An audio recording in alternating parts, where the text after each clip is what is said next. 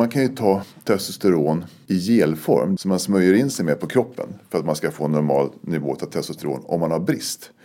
Om jag skulle ha testosteron på händerna och så tar jag dig på armen och håller i dig några sekunder och säger men det var bra jobbat, det var finemang sådär va.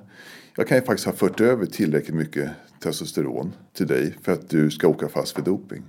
I think it's a disgrace that information that was false and fake and never happened got released to the public.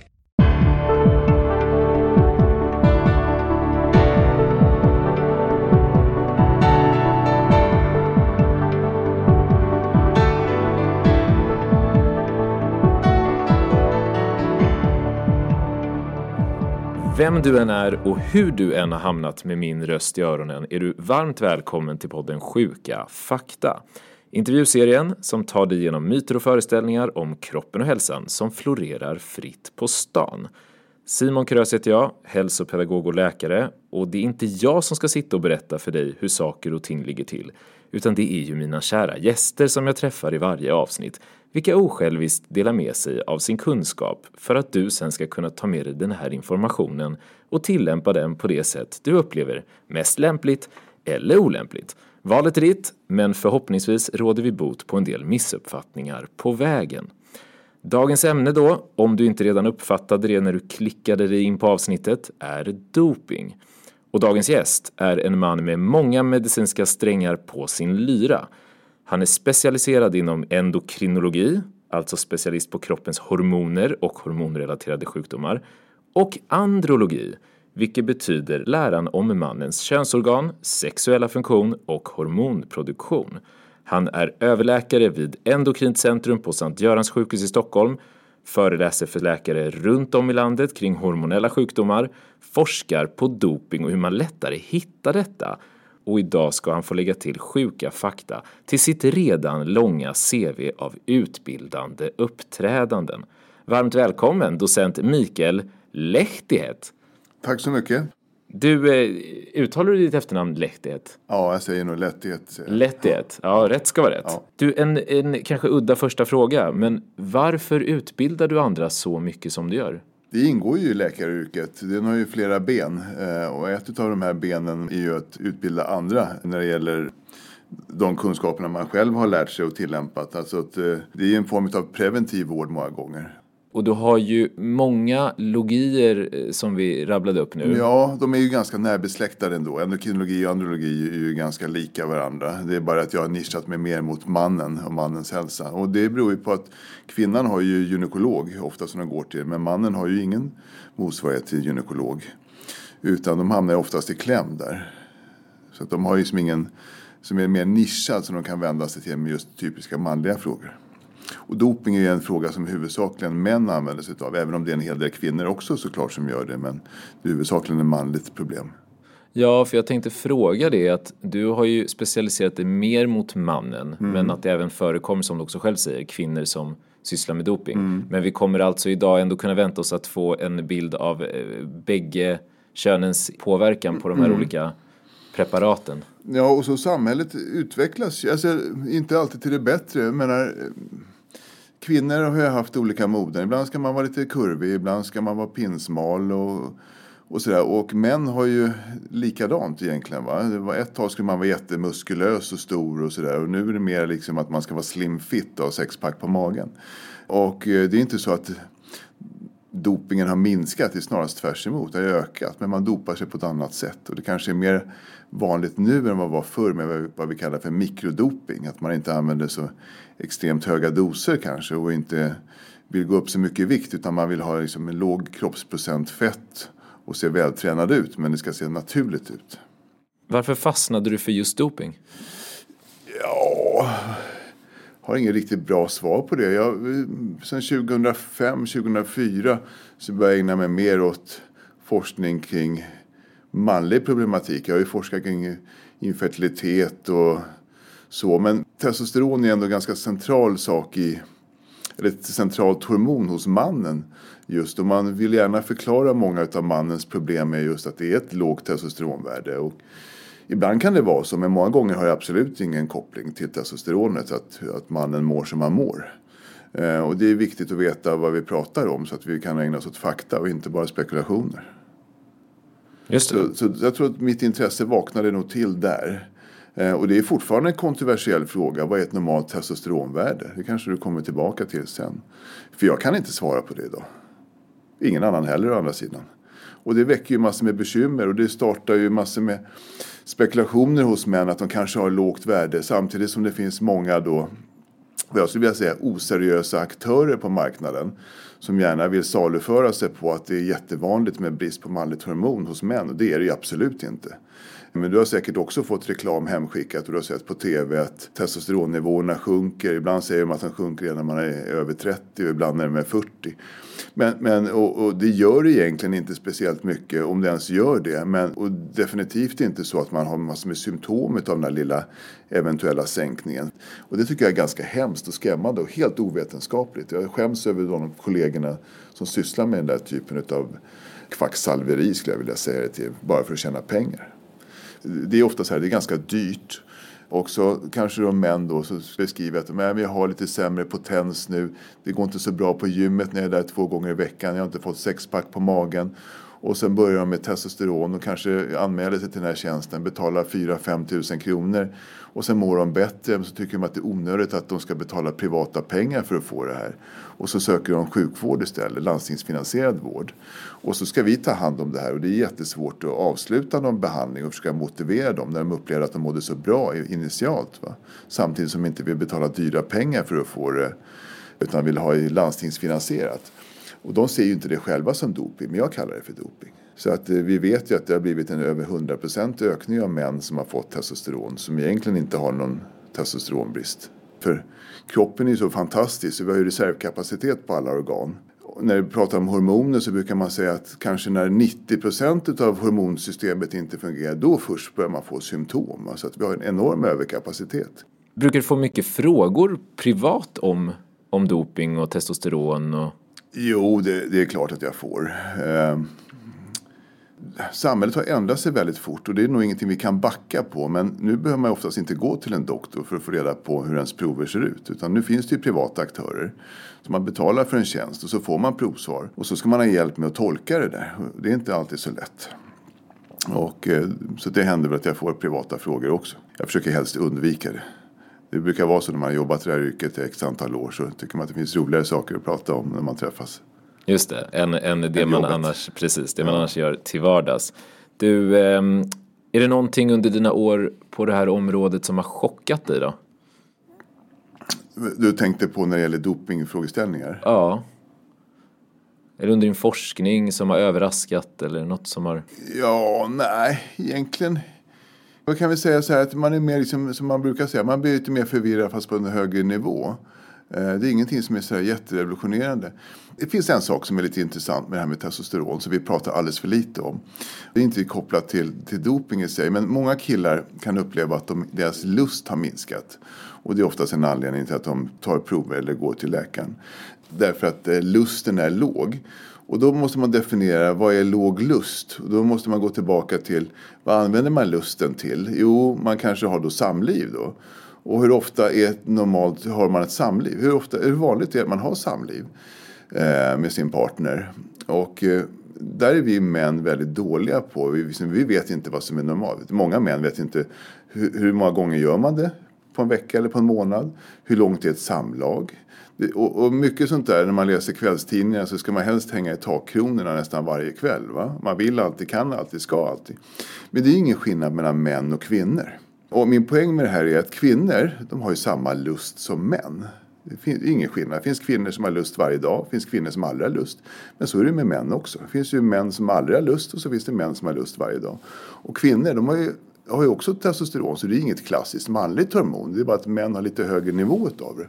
Män å andra sidan har ju östrogen, kvinnligt hormon. Det är också viktigt för prostatan, det är viktigt för vårt skelett och sådär. Men kvinnor har ju samma lust som män och så har de kanske en tiondels testosteron. Och så måste män då, tror de, ha tio gånger högre testosteronvärde för att ha en normal lust. Och då kan man säga så här, är kvinnors lust, baseras det på någonting annat än på hormon? Eller är det så att eh, det finns någon annan faktor bakom? Och det är väl intressant kan jag tycka. Så att man, man tror att det är bara ett hormon som styr men det är ju inte så. Det är några andra faktorer också. Men män är mer enkelspåriga på det sättet. De tror att det är bara där hormonet ligger högt så fungerar allting och det är inte så enkelt. Och då kommer man tillbaka till liksom huvudfrågan. Hur ofta har man lust? Och det finns ju studier på det där, väldigt bra studier. Och det kan ju vara bra för de som inte riktigt vet det. Men, men om man aktivt försöker skaffa barn, det finns ju många studier, då tittar man på hur ofta gör man det på en månad. Och det visar sig att ungefär fyra gånger i månaden när man aktivt skaffar barn. Då är man oftast någonstans mellan, vi säger 20 och 40. Och det är inte så ofta. Och vet man inte det, liksom, att det är liksom normalspannet, då, då är det lätt Många män som säger att de har låg lust och så visar det sig att de kanske till och med gör det fler än fyra gånger i månaden. Då vet man att, ja men vänta nu, det är inte det här som är låg lust definitionsmässigt. Nej, så lite av en missuppfattning och en, ja, jag vet inte, att man kanske inte har en sån insikt i andras liv heller och vad som är liksom. Nej, för vi män pratar inte om vad är normalt och så vidare. Va? Just det. En sista fråga innan vi dyker ner med huvudet före i dopingträsket.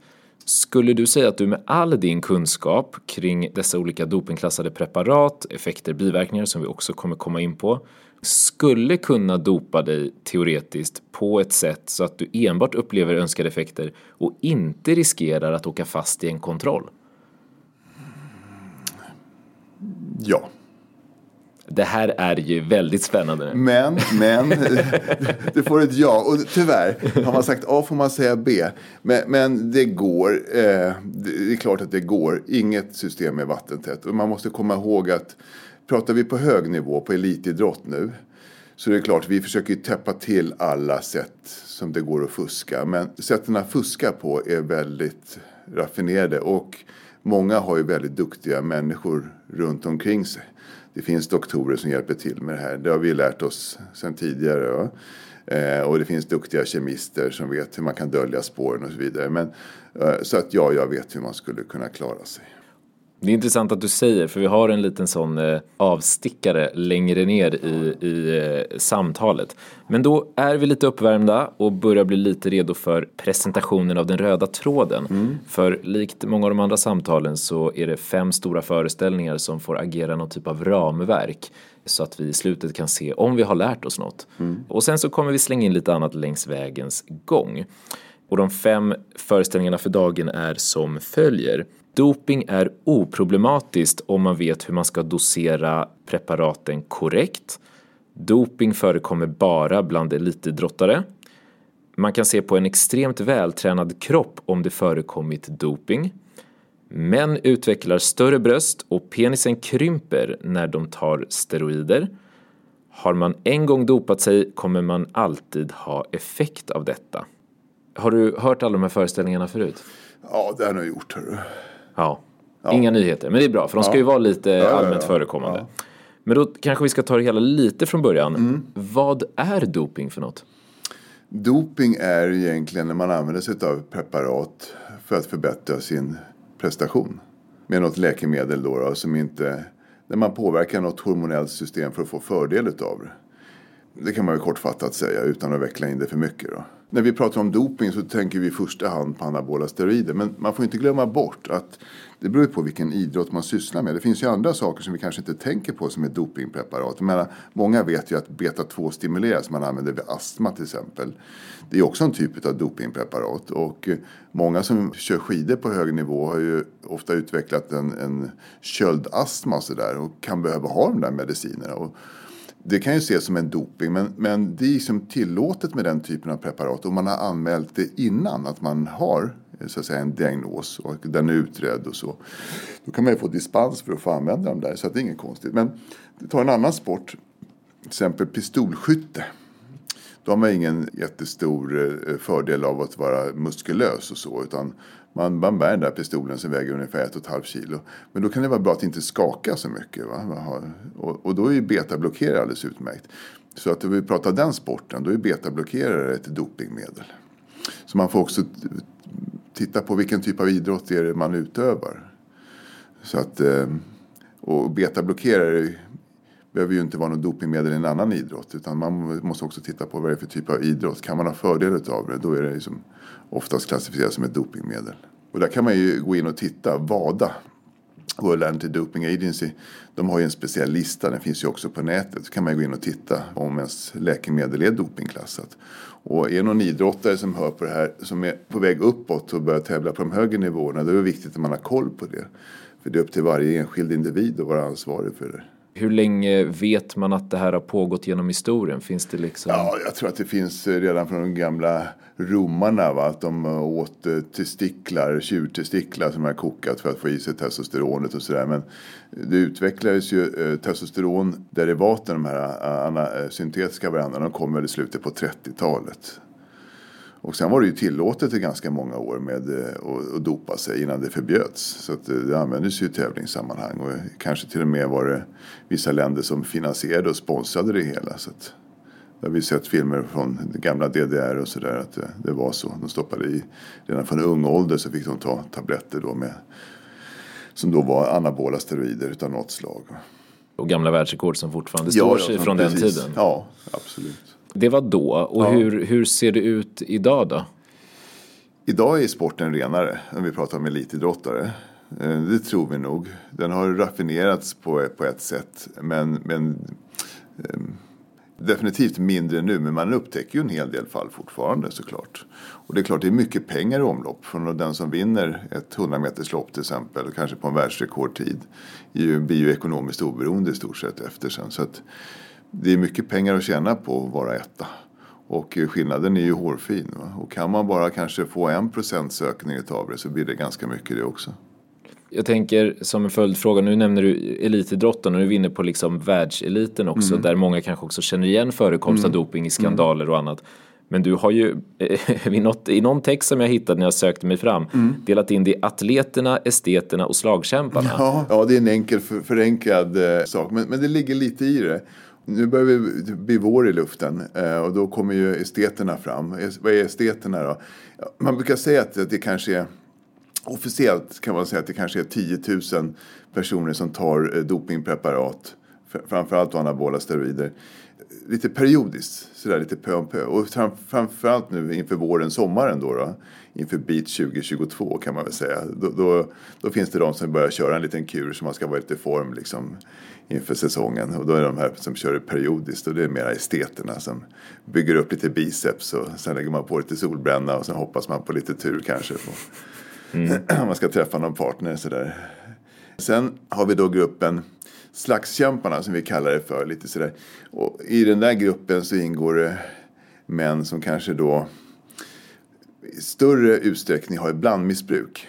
Och kanske personlighetsstörning. Vi vet ju att det finns en större grupp med, med män som också har personlighetsstörning som har ett sidomissbruk och också dopar sig. Och eh, många tror att man blir aggressiv när man dopar sig och det är en sån här klassisk myt.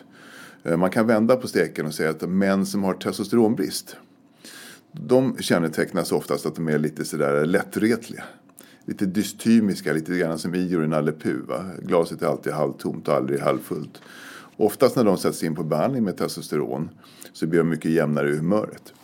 De flesta män som dopar sig är ju inte på något sätt aggressiva och blir inte det heller utav dopingpreparat. Så det är en klassisk myt. Det finns dock några undantag. Det finns ett speciellt eh, preparat som i slanguttryck kallas för Trenbolon. Och det kan många uppleva att de kan bli lite irriterade och kinkiga på. Men det är långt ifrån alla som blir det.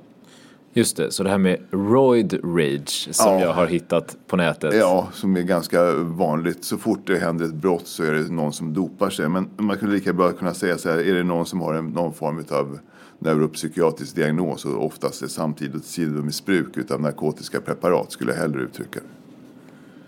Så att det kommer liksom mer på kölvattnet det här med att de också samtidigt använder sig av prestationshöjande substanser.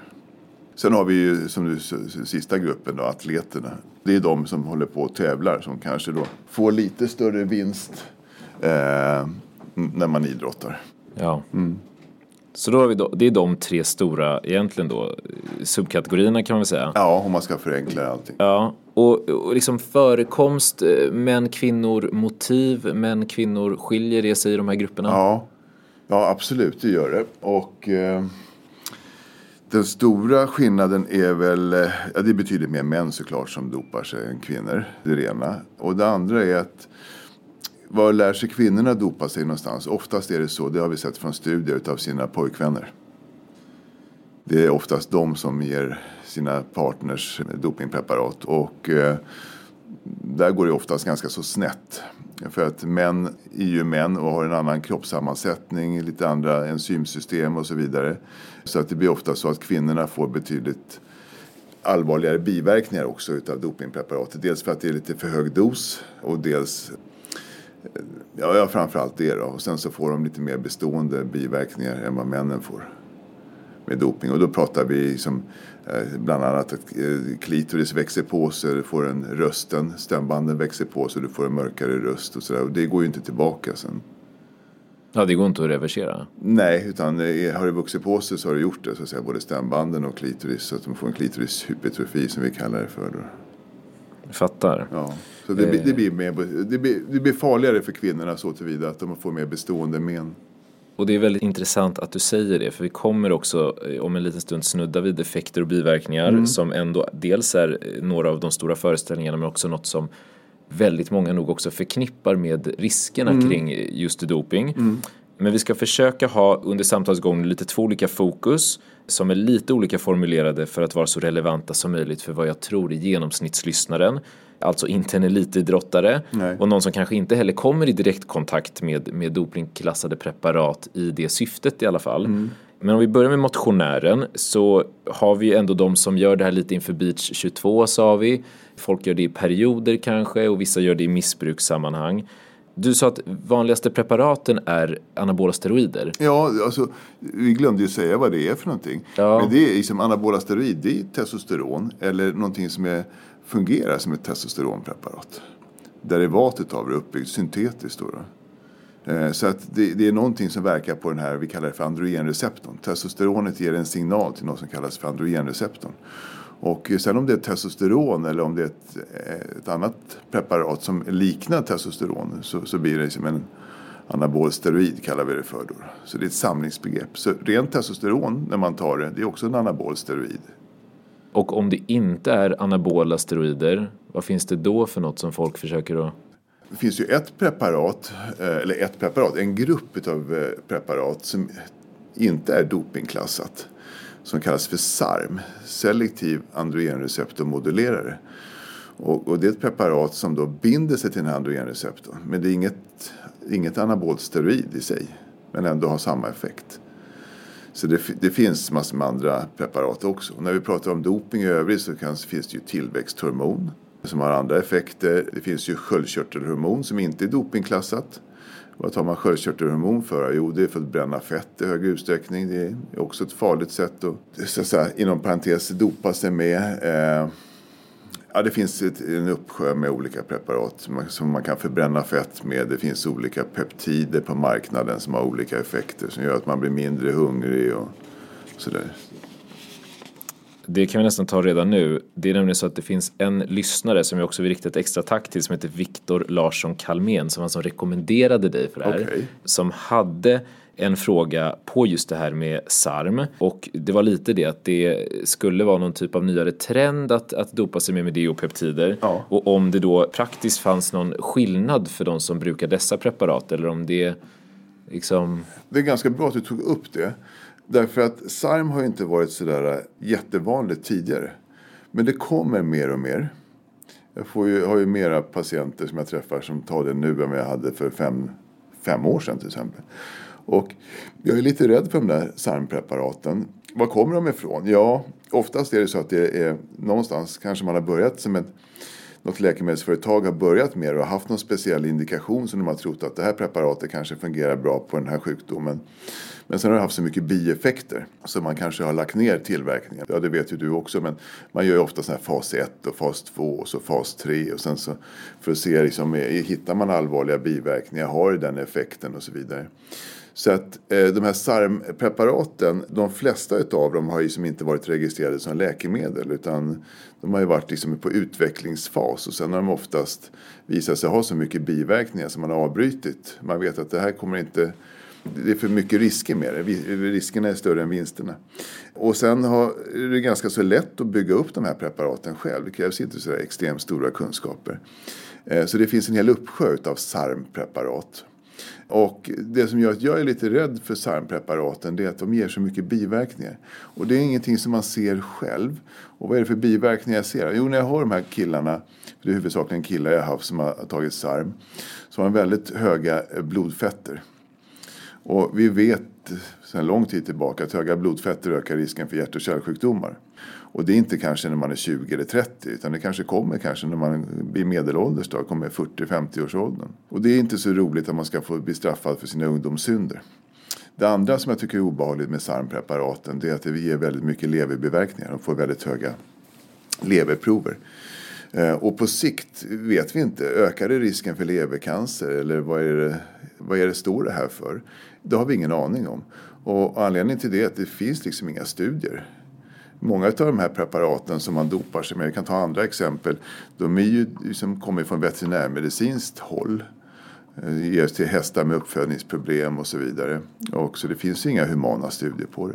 Å andra sidan är det väldigt svårt att forska just på den här typen av preparat för att man är ju då, lagmässigt är man ju kriminell när man dopar sig och det är inte så många som vare sig vill ställa upp med att de är kriminella eller, eller erkänna att, heller att de dopar sig. Eh, så det är svårt att få, få liksom, folk att ställa upp på studier och också svårt rent etiskt att få ett godkännande att, att göra studier på folk då som, som tar den här typen av preparat. Så det, det är de stora liksom, utmaningarna för framtiden. Hur ska vi få bättre studier och kunna veta om, vad det finns det för risker med de här preparaten? För det är vi dåliga på att veta. DNP, alltså mm. 2,4 ja, dinitrofenol. Nu, nu, blir det liksom ja. ett ord här som man inte behöver lägga på minnet som lyssnare. Nej. En extremt effektiv fettförbrännare. Ja, Verksam dos som ligger väldigt nära dödlig dos. Yes. Eh, och det här är inte mina ord då. Men, och att vården har svårt att veta hur man ska behandla någon som feldoserat där det enda som verkar fungera är isbad. Stämmer det? Eh. Ja, nästan. Alltså DNP, det, det var faktiskt eh, några år sedan jag hade någon som tog DNP senast. Det finns en liten grupp med framförallt män, ofta neuropsykiatrisk diagnos, som vågar använda sig av DNP. Jag tror att egentligen, från början så var det till för tryckimpregnering om jag minns rätt. Tryckimpregnering utav trä var det utvecklat för. Och vad det gör i kroppen, det gör så att i vanliga fall så ska inne i cellerna ha man något som heter mitokondrier eller kärnkraftfabriker kallas det också för. De bildar liksom något som heter ATP som ger oss energi. Så socker och fetter och det omvandlas så vi får ATP som vi kan använda till våra muskler sen. Men vad de här eh, DNP gör, det frikopplar liksom så att det bildas inga sådana här ATP utan det bildas bara värme. Det är ungefär som någon springer ett ekorrehjul och det blir som varmt, det blir som friktion kan man säga försvenskat. Så att det blir som värmeutveckling och det bränner av fett väldigt effektivt.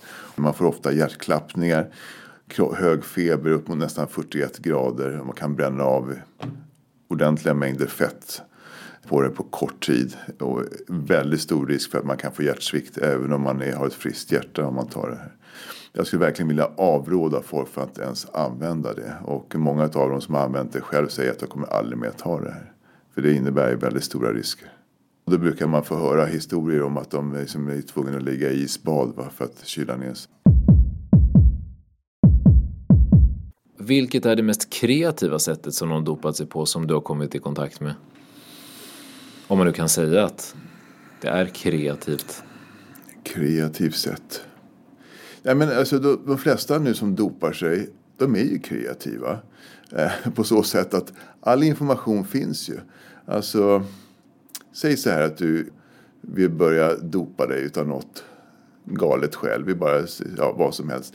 Så, så det är bara att titta på nätet. Det finns ju liksom allt från YouTube-klipp, vad man köper startpaket, vad man ska tänka på. Eh, man kan gå in på den klassiska svenska sidan, Flashback, så finns det ju liksom tips hur man ska göra och sådär. Eh, från alla eh, proffs inom citat då, som vet bäst och sådär och hur det ska kombineras. Sen är det väl bara om man tittar på, de, det finns ju hur mycket sidor som helst där det, där det säljs preparat på nätet och vad man ska kombinera det med och doser och så vidare. Så att det mesta är ju tillgängligt. Så att det är väl kreativt så tillvida. Och, och, och sen har ju många nu tack och lov lärt sig en sak i vilket fall. Det är inte bara till nackdel att man tar egna prover. Eh, som sjukvården ser ut. Men, men det finns ju också möjlighet att är det någonting avvikande så i bästa fall så söker de vård för det. Va? Och sen så får de träffa någon som, som liksom förklarar varför man inte ska ta de här typen av preparat. Så att eh, många kontrolleras ju själva utan under vårdens vetenskap. Man kontrollerar kanske sitt blodvärde regelbundet eller vad det nu är, blodfetter regelbundet eller blodtryck regelbundet och så vidare. Så det är väl så tillvida det är väl kreativt. Mm. Jag tänker mig också lite fördomsfullt kanske, men att många människor är väldigt, eller blir väldigt intresserade av hur kroppen fungerar för att kunna dosera och försöka manövrera det här i detalj. Mm, det håller fall. jag inte med dig. Inte? Nej, därför att alla när de dopar sig är proffs. Men sen när man pratar med dem så visar det sig att de har ingen koll alls. Det skulle jag säga det är det absolut vanligaste. Ja, men jag har hållit på i 20 år och så har jag gjort så här och så har jag prövat det här och så jag vet och, och jag har fått tips därifrån och han vet och bla bla bla och så där va. Jag har ju patienter som har kanske dopat sig. Jag tror jag har någon patient som har dopat sig i 40 år.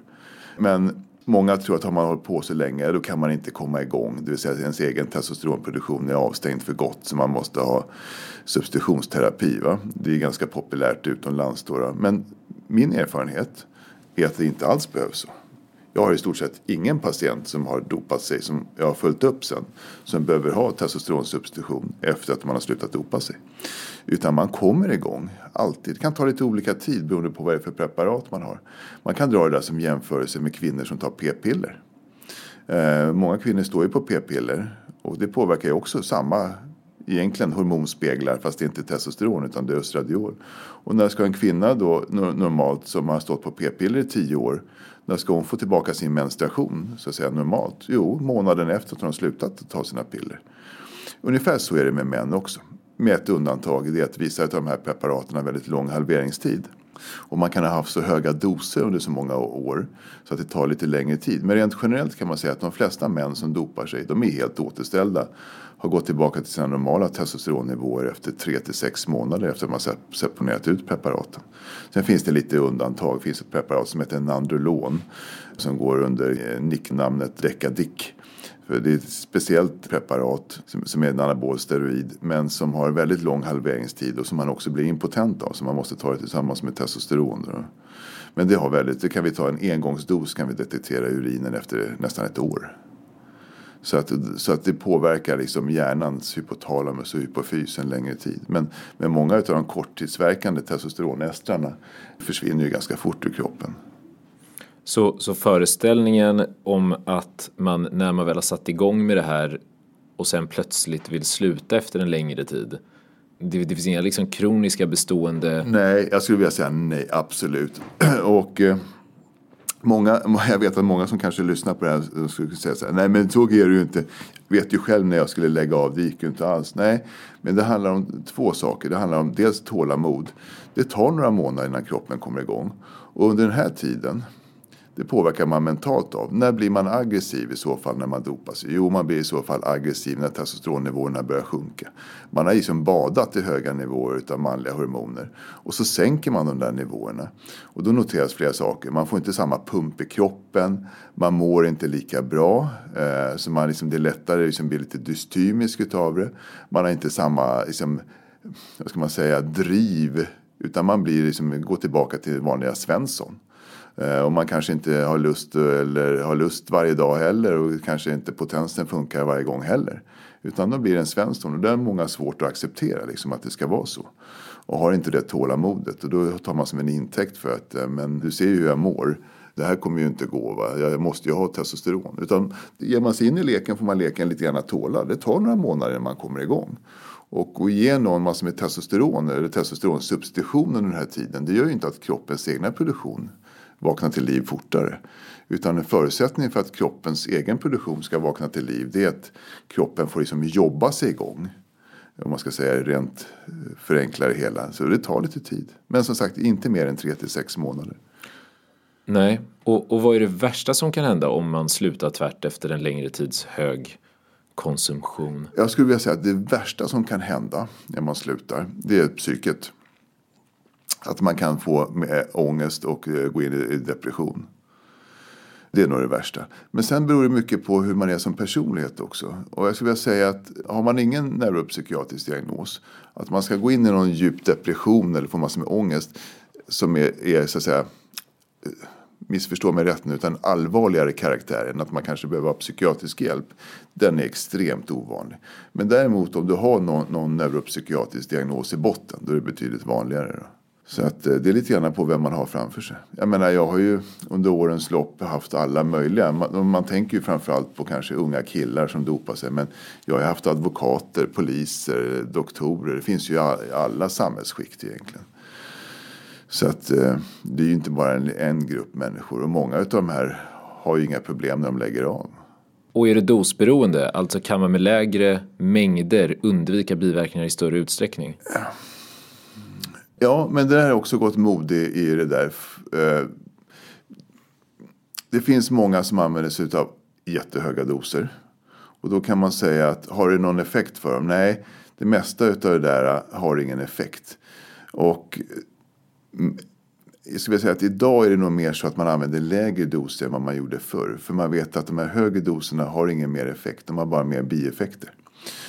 Och, eh, och, så kanske man kombinerar flera, ofta är det så man kombinerar flera olika preparat men i lägre doser. Just för att undvika bieffekterna. Och man vet att även om du skulle öka på dosen, tar man, vi kan ta som ett exempel att tar man ett gram eller tusen milligram testosteron i veckan eh, så kanske det inte är någon större skillnad versus om man skulle ta 500 milligram i veckan. Så att, eh, då finns det ju ingen skäl att ta mer. Liksom. Det ökar bara risken för biverkningar. För det är ju så att de här anabola steroiderna har ju egentligen två olika effekter. De har ju en anabol effekt, det vill säga att man bygger upp kroppen, man får mer muskler. Men sen har de en bieffekt och det är ju det som ingen vill ha. Och det är den här, eh, ja, vad kallas det för? nu tappade jag ordet för. Men du vet, man, man, har man anlag för att tappa hår till exempel, man får ett högre hårfäste, får mer akne. Va? Det är ju bara bieffekter, det är man ju inte ute efter. Androgeneffekt kallar vi det för, jag tappade ordet där. Så den androgena effekten, det vill man ju inte ha. Men man vill ha den anabola effekten. Och är det där i också, för några av föreställningarna för dagen, du nämnde mörkare röst på ja. kvinnor som är irreversibelt då mm. i viss mån det här med att män utvecklar större bröst, mm. gynekomasti mm. och att då, som föreställningen ändå antyder, att penis skulle krympa. Ja, det förstår jag inte alls. Det har jag inte hört. Att penis krymper. För eh, testiklarna krymper ju, men det är ju ren fysiologi. Och vad är det som händer då? Jo, vi har en sån här feedbackmekanism i kroppen. Så att om man då tar anabola då, som då är likt testosteron, då stänger man ju av Eh, högre stationen uppe, vi kallar det för hypotalamus och hypofys. Och eh, där finns ett annat reglersystem som då styrs av ett hormon som heter FSH, follikelstimulerande hormon. Och de stimulerar ju spermatogenesen. Så vad som händer när man tar testosteron utifrån, även om man skulle ta testosteron i ganska låga doser, det är att man stänger av sin spermieproduktion. Det är inte irreversibelt, så den kommer tillbaka sen. För testosteron är ju också ett alldeles utmärkt preventivmedel, det vet ju inte många män. Men vi kan ju inte ge testosteron som preventivmedel till män. För att dels vet vi inte vad långtidseffekterna av det är. Och sen är det nog stor risk för att det skulle missbrukas. Så att man har gjort eh, som forskningsprojekt eh, sedan 70-talet med, med testosteron som preventivmedel och stoppat in lite gulkroppshormon i det. Men då blir man lite öm i brösten och så tappar man sexlusten och då är det inte så roligt längre. Men om vi går tillbaka till frågan då. Så att testosteron gör att testiklarna krymper. Och det är för att det bildas mindre spermier. Och penis har inte så mycket med testosteronet i sig att göra. Utan det styrs av en annan hormon som heter dihydrotestosteron. Men en man som är fullvuxen och passerar puberteten han får ju inte en större eller mindre penis egentligen. Sen handlar det om hur blodflödet är. Men den varierar ju. Blodflödet i en icke-erigerad penis versus en erigerad. Det är ju 50 gångers skillnad i blodflöde. Så det handlar ju också om flödet. Är, va? Och då kan man ju säga då att eh, testosteron av olika slag gör ju oftast att flödet är ökat i ett icke-erigerat tillstånd. Så, att. Så, att, så det är därför som de kanske upplever att penis är större än vad det egentligen är. Då. Kan man se på en kropp, alltså på en person, och sitter på gymmet mm. och ser ut som Hulken. Finns det sätt att se på en kropp att det förekommer doping eller det går inte? Eller? Jo, indirekt. Men alltså, jag, jag skulle inte kunna svära i kyrkan på det. Vi ser ut olika rent genetiskt. Och det är lite intressant därför att det här med vad som är normal testosteronnivå. Det, om man ska generalisera nu, om vi tar tusen män på gatan. Och så delar vi upp dem i, i lite olika grupper. Vi har den här gruppen som är lite naturligt satta utav sig. Som är lite mer muskulöst byggda. Och sen så jämför vi dem med de som är, ser ut som är långdistanslöpare. Du vet eh, magelagd och sådär. Så kan man säga att de som är oftast är naturligt muskulösa de ligger ofta lägre testosteron. Än de som är, ser ut som långdistanslöpare. Och det där blir ett problem för killar. För många tror ju liksom att Ja, men säger vi att ett normalt referensvärde, vi bara hittar på någonting nu då. För det varierar, beroende på vilken metod det är. Att det, det ska ligga mellan, vi säger 6 till 20 säger vi, bara hittar på ett värde. Och så ligger någon kille på 12. Så tänker han, men undrar hur jag hade mått, mått om jag skulle ligga på 20. För man tror att ju högre värde desto bättre. Men ofta de här naturligt byggda killarna ligger lågt i testosteron. För de har bättre receptorer, själva mottagarorgan för testosteron. Så de behöver inte ha högre. När jag har haft många av de här riktigt, riktigt starka killarna. Kanske en på tusen som är naturligt när de går in på gymmet. Och de har aldrig lyft bänkpress någon gång och kanske gör bara hundra hur lätt som helst. Va? Som en annan gör 20-30. De kanske har dopat sig tidigare i livet men är helt rena nu. Så ligger ju många på betydligt lägre värde än vad det nedre referensvärdet är. För de har bra känslighet på sina receptorer. Så jag brukar säga det tvärs emot. Ju lägre testosteronvärde du kan ha utan egentligen ha tecken på det, desto mer manlig är du. För du har bra receptorer. Lite omvänt, lite... ja, ja, ja, ja, men så är ja. det. Sen finns det en etnicitetsskillnad också. Det vet man. Så många afroamerikaner till exempel. Eh, de har ju också naturligt utbyggd muskulatur och sådär. Om man ska generalisera. De ligger ofta lägre i testosteron än vad en asiatisk man gör till exempel. Som har betydligt högre testosteronnivå. För att androgenreceptorerna fungerar lite annorlunda. Så det finns en etnicitetsskillnad också. Och en vit man, eh, om man ska generalisera, ligger någonstans mitt emellan. Då, då. Så då är det liksom inte mängden testosteron som man provtar sig för som är avgörande? Nej, för det är också så. Alltså om jag skulle ta hundra killar så skulle de få, få samma dopingpreparat så kommer vi se väldigt stor skillnad på de här killarna. Vissa kommer inte hända speciellt mycket på medan vissa kommer bli jättestarka och jättestora. Så att vi är genetiskt olika. Du, eh, rubriken om doping ja. framkommer ju numera nästan enbart känns det som när en idrottsstjärna på ett mästerskap åker fast i en kontroll. Mm. Och vi kommer alldeles strax eh, svänga in nu på idrottarna och några frågor kring det. Men mm. det finns ju en utbredd föreställning som menar att det bara är elitidrottare som testas för doping. Alltså att risken att bli ertappad på typ gym eller som motionär i gemen mm. är nästan obefintlig. Mm. Vad känner du till om det? Jo, det är sant. Men det är ju så här att elitidrottare, de har ju väldigt hårda krav. De måste ju redovisa vad de exakt kommer att vara.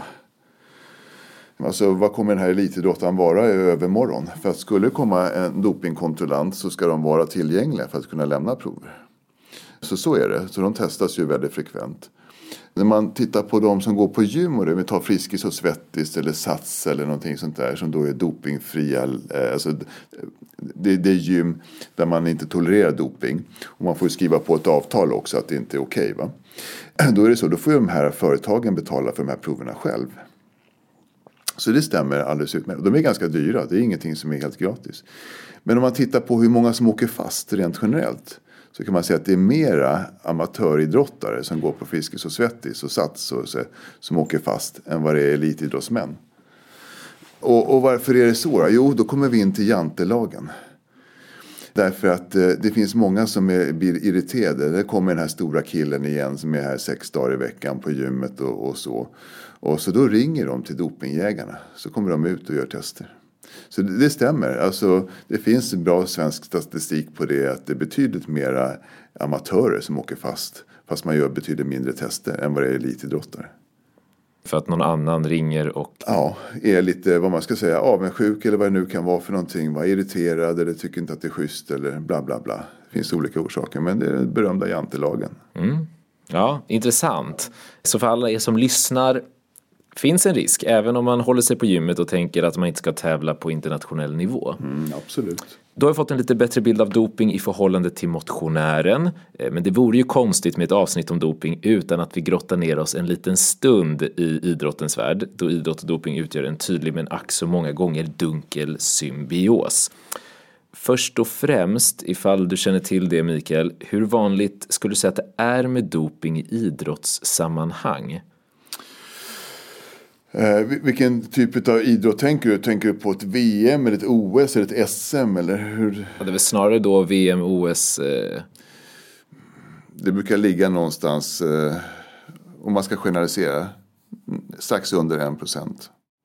Och du nämnde också i förbifarten väldigt tidigt det här med WADA som ja. är World Anti-Doping Agency. Mm. Och det finns ju många olika sätt att manipulera kroppen på mm. när man ska prestera. Mm. Och då har bland annat organisationen som WADA utvecklats för att stävja detta. Och en väldigt krass fråga, varför? Varför eh, det finns ett behov av WADA? Ja, vad, vad är liksom problemet med att folk eh, tar preparat för att öka sin prestationsförmåga mm, och mm. biverkningarna som följer? Mm. Det är en bra fråga. Vi har bestämt att idrotten ska vara ren. För vi tycker att det är mest rättvist så. Livet är ju inte rättvist. Jag menar, vi tar en, en kille som kanske är kraftigt byggd, eh, lite kortvuxen han blir ofta kanske en jättebra diskuskastare eller kulkastare. Men han har ju inte så stor kanske chans att bli jätte, jätteduktig som basketspelare. Så att vi har ju olika genetiska förutsättningar redan från början. Och där kan man ju avgöra också rent, rent genetiskt vad man har för typ av muskelfiber och sådär. Vad man egentligen skulle passa för för idrott va, redan på tidig ålder. Sen är det mycket andra faktorer, inte bara genetiska, det är också miljön man är i såklart. Men, men eh, man har ju bestämt sig för att idrotten ska vara ren och det är väl schysst egentligen. Sen är det nog svårt att hålla det där kan jag tycka. Eh, och det kommer andra frågeställningar som vi måste ta hänsyn till också längre fram.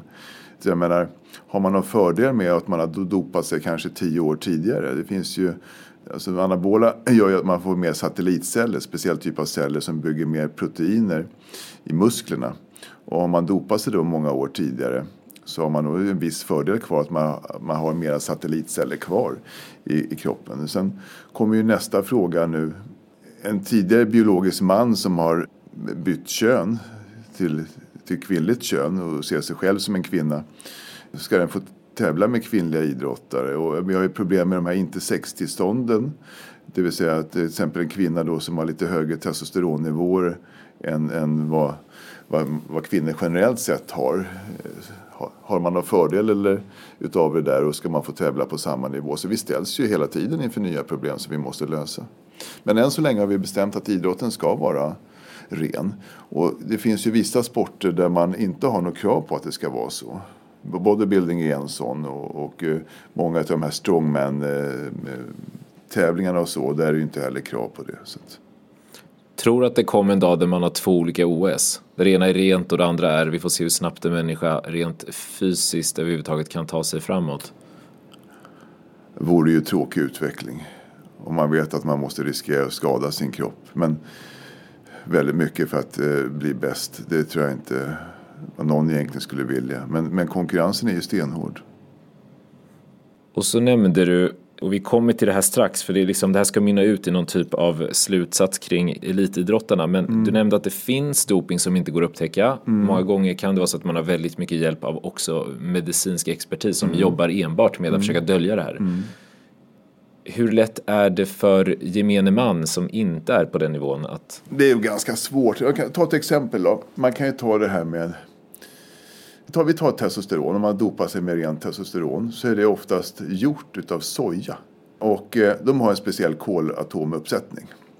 Och den kolatomuppsättningen är inte det som är naturligt för naturligt testosteron som vi bildar själva.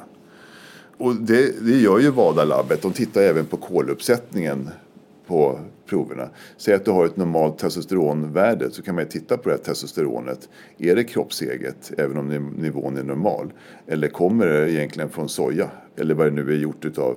Men det finns ju att köpa som är samma koluppsättning som kroppen själv bildar. Bara för att ta ett exempel. Va? När man då tar testosteron, det vanligaste är att man injicerar det. Då är det bundet till olika estrar, olika fetter. Och de här estrarna de gör ju då att testosteronet disponeras ut en viss tid. Så att det finns långtidsverkande estrar eh, som gör att testosteronet finns kvar och disponeras ut under en lång tid. Och så finns det korttidsverkande estrar. Och eh, estrar finns inte naturligt bundet till testosteron i kroppen. Så man kan ju titta på det också om det finns estrar. Då vet man att man också har dopat sig även om testosteronnivån är normal.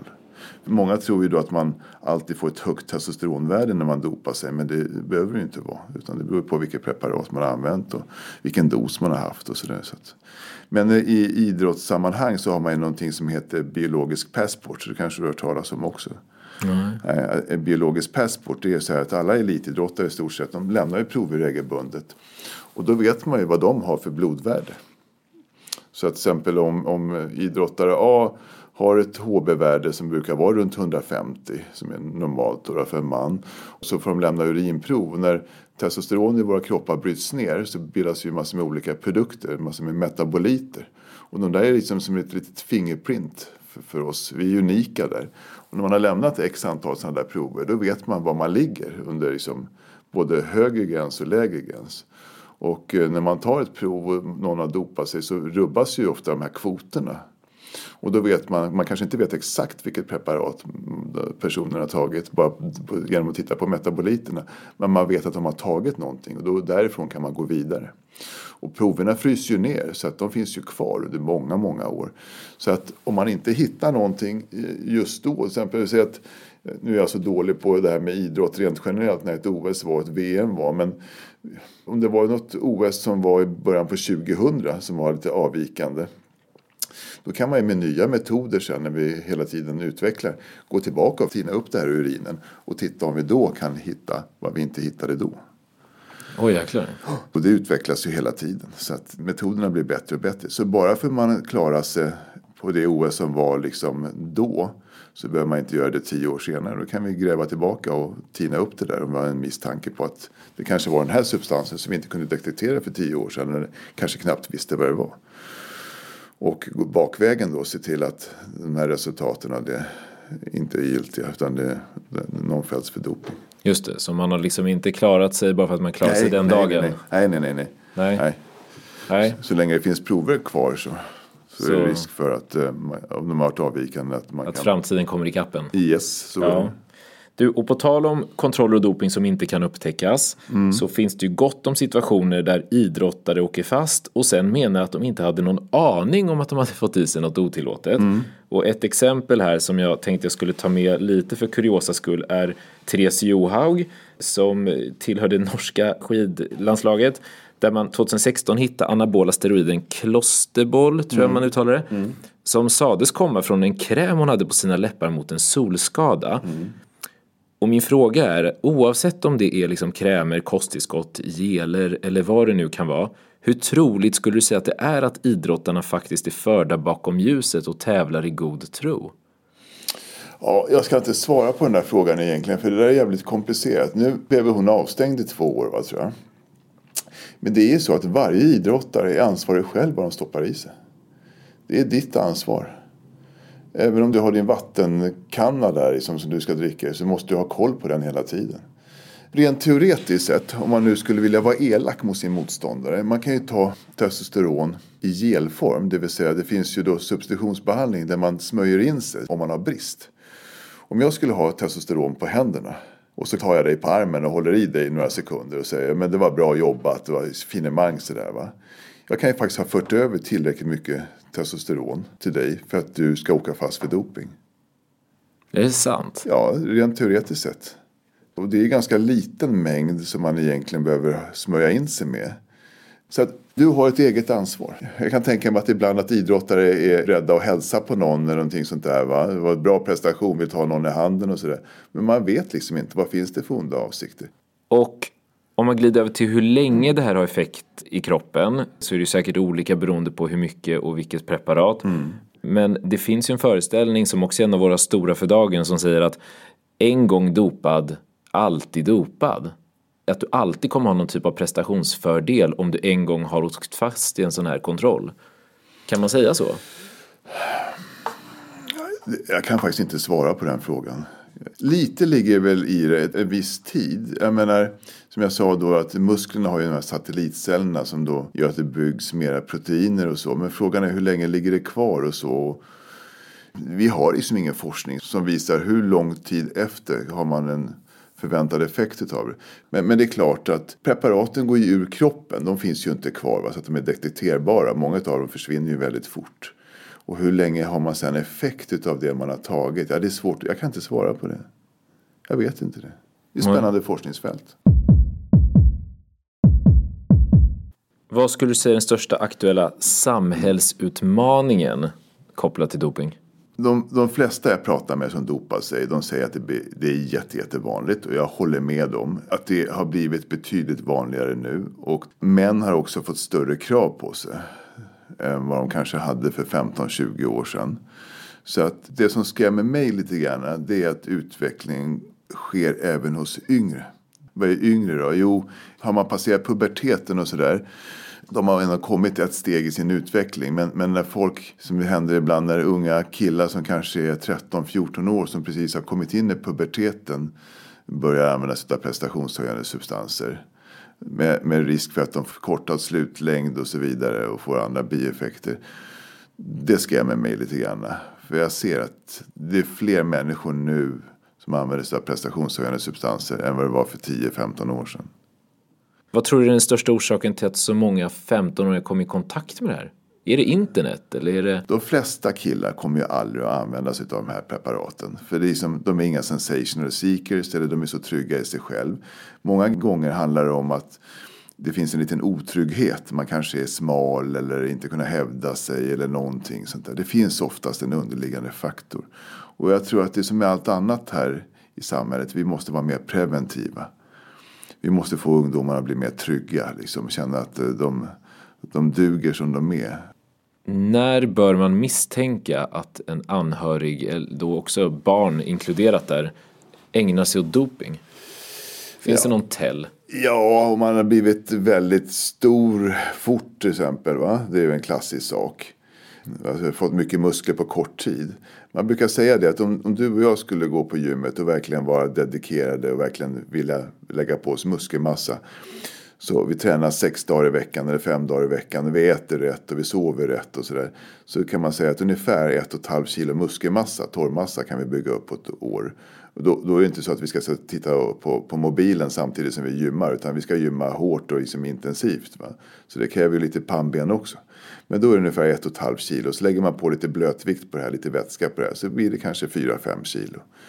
Så att det är som skulle jag säga, maxtaket vad de flesta av oss kan prestera på ett år. Det är ju jättebra siffror. Absolut, men, men pratar vi om att en viktuppgång på kanske på 15-20 kilo på ett år eller 10 kilo så där, då, då ska man nog misstänka att det är någonting annat också. Och sen har vi den här klassiska som alla vet då, den här klassiska trapeziusmuskeln. Som då är väldigt androgenkänslig. Man får den här ordentliga pucken liksom.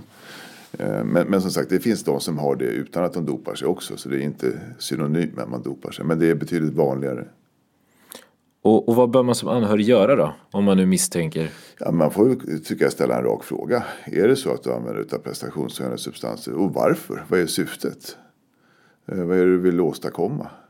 Det, det är ju ofta så här att man kan ju tycka vad man vill om det här med doping. Om det är, är det jättefarligt eller inte. Ja, det är ett, här, jag är ingen förespråkare för dopingpreparat, absolut inte. Men man måste ställa det i relation till annat. Jag menar, vi tillåter rökning i det här landet. Vi vet att hälften av alla rökare kommer att dö i förtid. Det vet vi. Vi tillåter alkohol i det här landet. Jag menar, du vet ju lika väl som mig hur många det är som ligger på avdelningarna som har alkoholrelaterade skador. Vi tolererar inte doping i det här landet.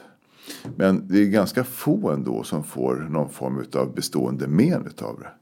Men vad är det som gör att vi är så aktiva med att försöka förhindra doping då? Hos, inte hos elitidrottare, för det är en annan sak. Vi vill helst att de ska vara rena, va? att det ska vara rena prestationer de tillverkar. Men hos gemene man, varför är vi, ute efter det? då? Jo, det är inte för att det är extremt farliga biverkningar. Det finns ju de som riskerar att dö i förtid, så gör det. Men det är kanske inte av anabola i sig utan det kanske är på grund av sidomissbruk eller att de är mer sensational seekers och söker större risker och så.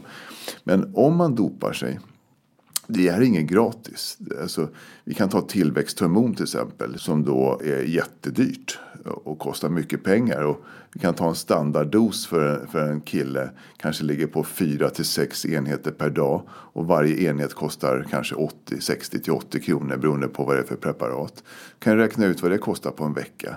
Plus att man då ska kanske ta de andra preparaten. Plus att man ska äta rätt.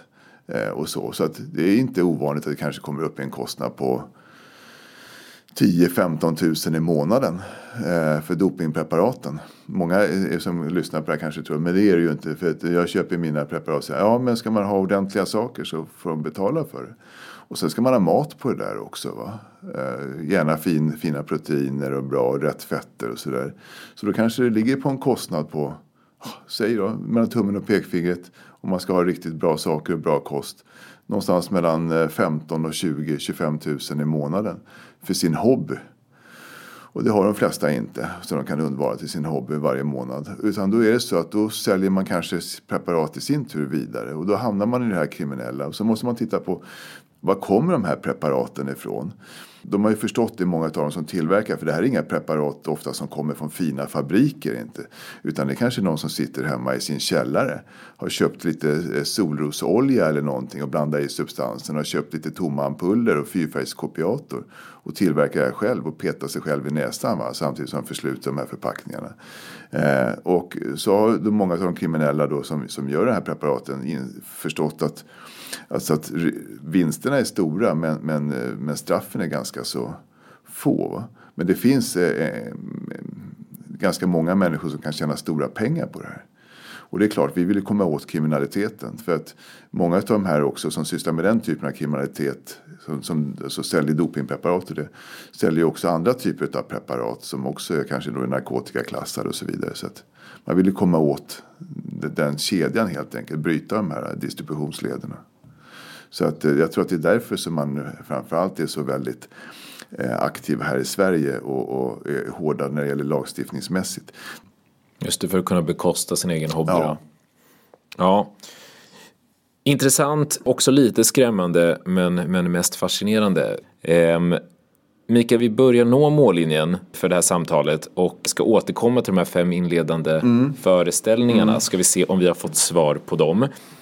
Doping är oproblematiskt om man vet hur man ska dosera hormonerna korrekt, sant eller falskt? Ja, eller mittemellan för den delen. Jag svarar mittemellan. Alltså jag skulle helst vilja säga att det är ger massor med bieffekter och allting sånt där. Det skulle jag helst av allt vilja säga. För att jag tycker inte att någon ska dopa sig. Men jag måste stå på det vetenskapliga benet. Det är sällan vi ser patienter som kommer till vården som söker på grund av dopingrelaterade skador. Ortopederna ser dem ibland när de musklerna går sönder på dem och sådär för att de har slitit av muskelfästen. Och man kan se dem för att de har höga blodvärden för att de ska utredas och så. Och man kan träffa dem på infertilitetskliniker därför att de som dopar sig förstår inte att när man ska skaffa barn så fungerar testosteron som ett preventivmedel. Men annars är det relativt lite skador vi ser. Så att jag säger mitt emellan där. Doping förekommer bara bland elitidrottare? Det har vi redan svarat på. Absolut inte. Och jag skulle vilja säga att den största gruppen nu som vi börjar se skulle jag säga är män 50 plus som dopar sig. Mm -hmm. Men jag tror inte de skulle hålla med om att de dopar sig. Utan de skulle nog bara säga att de mår bättre. Därför att deras testosteronnivåer har sjunkit eftersom de har blivit medelålders män och de har gått till doktorn och fått ett vitt recept. För det är tyvärr så här att alla vi män när vi tar testosteron i stort sett, även om du är 20-30 år och tar lite högre dos än vad vi har naturligt så mår vi bättre. Men varför kan vi inte få ha, må bättre då? Jo, för vi tror, det finns studier som tyder på att man har en ökad risk för hjärt och kärlsjukdomar, kanske ökad risk för prostatacancer och så vidare. Och sen är det så här att när man har haft en dos man ligger på 100% i vanliga fall. Men sen har man fått lite extra så man kanske ligger på 150%. Så efter ett tag så vänjer sig kroppen vid det. Och då är man tillbaka i det där mående som man hade när man inte hade fått testosteron. Och då vill man ha ännu högre dos. Va? Många män som får testosteron de får ju det baserat bara på vad de har för värde. Och inte om de egentligen har brist eller inte. För värdet man har på testosteron det är inte så lätt att avgöra om man har testosteronbrist eller inte. Utan man får väga samman det med andra faktorer också man kan se på en extremt vältränad kropp om det förekommit doping? Ja, det kan man göra. Det skulle jag nog vilja säga. Det finns de groteskaste formerna. Då, då, då är det ganska uppenbart att det inte går att bygga på sig. Män utvecklar större bröst och penisen krymper när de tar steroider. Ja, vi har ju diskuterat det där. När de tar steroider så krymper inte penis och inte efter heller. Utan penis växer ju på sig, det är genetiskt förutbestämt. Man kommer till en viss längd.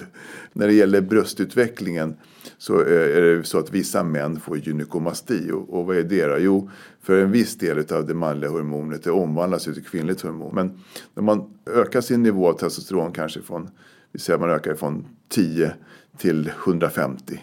Då ökar man också kvoten med kvinnligt hormon och då får man så att säga, stimulering av bröstkörtlarna. Så eh, sant på större bröst, falskt på penisen mm. krymper. Mm. Och sista då, har man en gång dopat sig kommer man ha effekt av det livet ut? Det kan jag inte svara på. För ingen annan kan svara på det heller tror jag. Nej. Jag skulle nog inte tro att du har effekt av det livet ut. Inte. Men det kanske är ett spännande forskningsfält. Mikael, är det något annat du skickar med lyssnarna nu innan vi tackar för dagens samtal som vi inte har kommit åt på ämnet doping? Nej, jag kanske ska avsluta med att säga att den dummaste människan av alla, det är den som lurar sig själv. Och man måste tänka sig på, om man nu får för sig att dopa sig, så varför gör man det? Är man beredd att ta riskerna, åka fast? Vad ska du ha den här förbättringen till? Är det för att göra personbästa själv och veta med dig att du gjorde kanske 180 bänkpress när du eh, var en viss ålder. Men du var faktiskt inte ren då. Utan det var prestationshöjande substanser som gjorde att du gjorde det. Är det någonting du vill stoltsera med 20 år senare? Att jag gjorde 180 bänkpress när jag var dopad? Eller är det bättre att säga att jag gjorde 140 kilo bänkpress odopad? Så att eh, mitt råd är börja inte. Det kan ställa till en hel del problem. Behöver inte göra det, ska man vara ärlig och säga. Men det kan också göra det. Inte värt risken. Inte värt risken. Visa ord och ett bra medskick. Mikael, då rundar vi av här. Mm. Så får jag lov att säga stort tack för din tid och för att du ville hjälpa mig och lyssnarna att bättre förstå effekter, konsekvenser och de samhälleliga frågetecknena och problematiken kring doping. Tack så mycket. Tack så mycket själv.